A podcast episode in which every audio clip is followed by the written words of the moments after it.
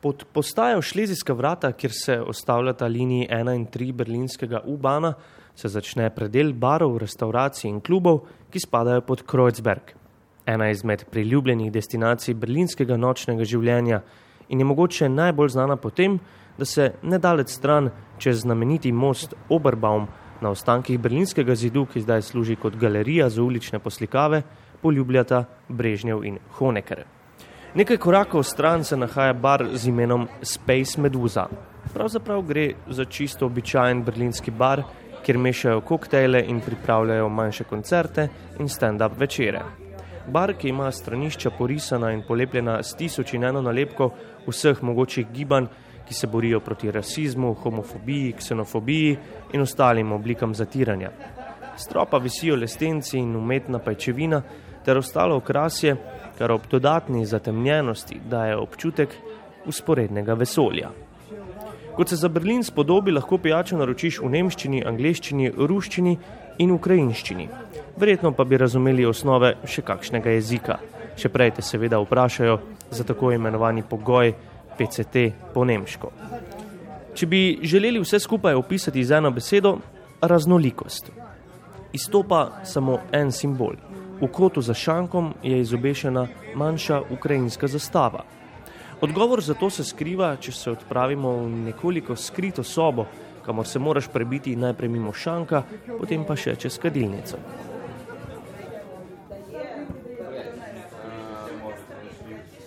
V tej sobi je spontano nastal štab inicijative Viče, ki jo združujejo ukrajinski študenti v Berlinu.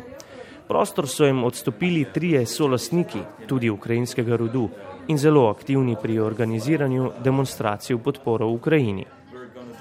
And that's there's this Maidan spirit, this very typical Ukrainian grassroots mobilization, which we have experienced numerous times. And to je duh spontanega organiziranja ukrajinske družbe, pravi Maksim, ukrajinskega rodu, ki se je sicer rodil in odraščal v Nemčiji. Njegovi sorodniki so še vedno v Ukrajini. Uh,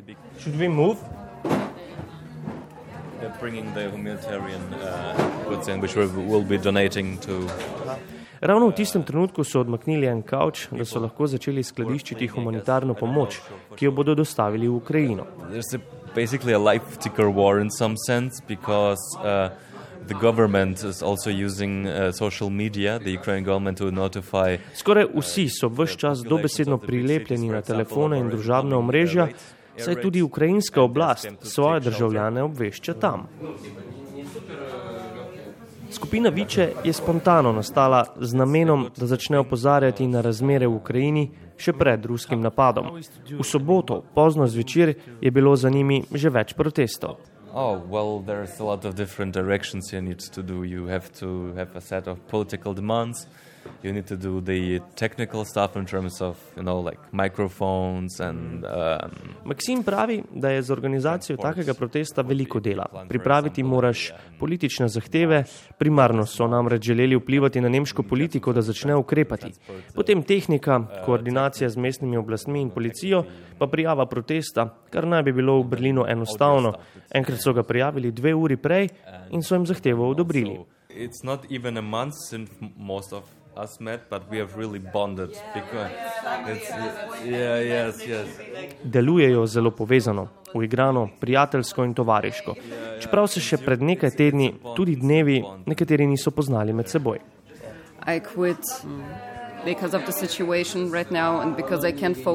Ena izmed punc je v petek dala odpoved v službi in se osredotočila na organizacijo pomoči sorojako. Od zdaj naprej zbirajo tudi humanitarno pomoč. Na shodih v podporo Ukrajini se je vsakeč znova zbrala zelo raznolika družba ljudi, vzorec za to bi lahko iskali kar v tem baru.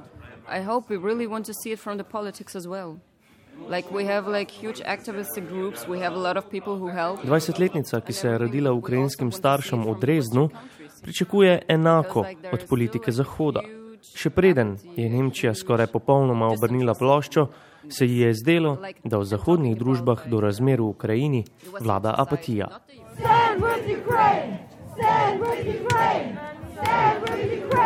V nedeljo 27. februarja je v Berlinu od Aleksandra Placa po aveniji pod Lipami Mimo Brandeburških vrat po cesti 17. junija do stolpa zmage, po uradnih informacijah, proti vojni v Ukrajini protestiralo več kot 100 tisoč ljudi.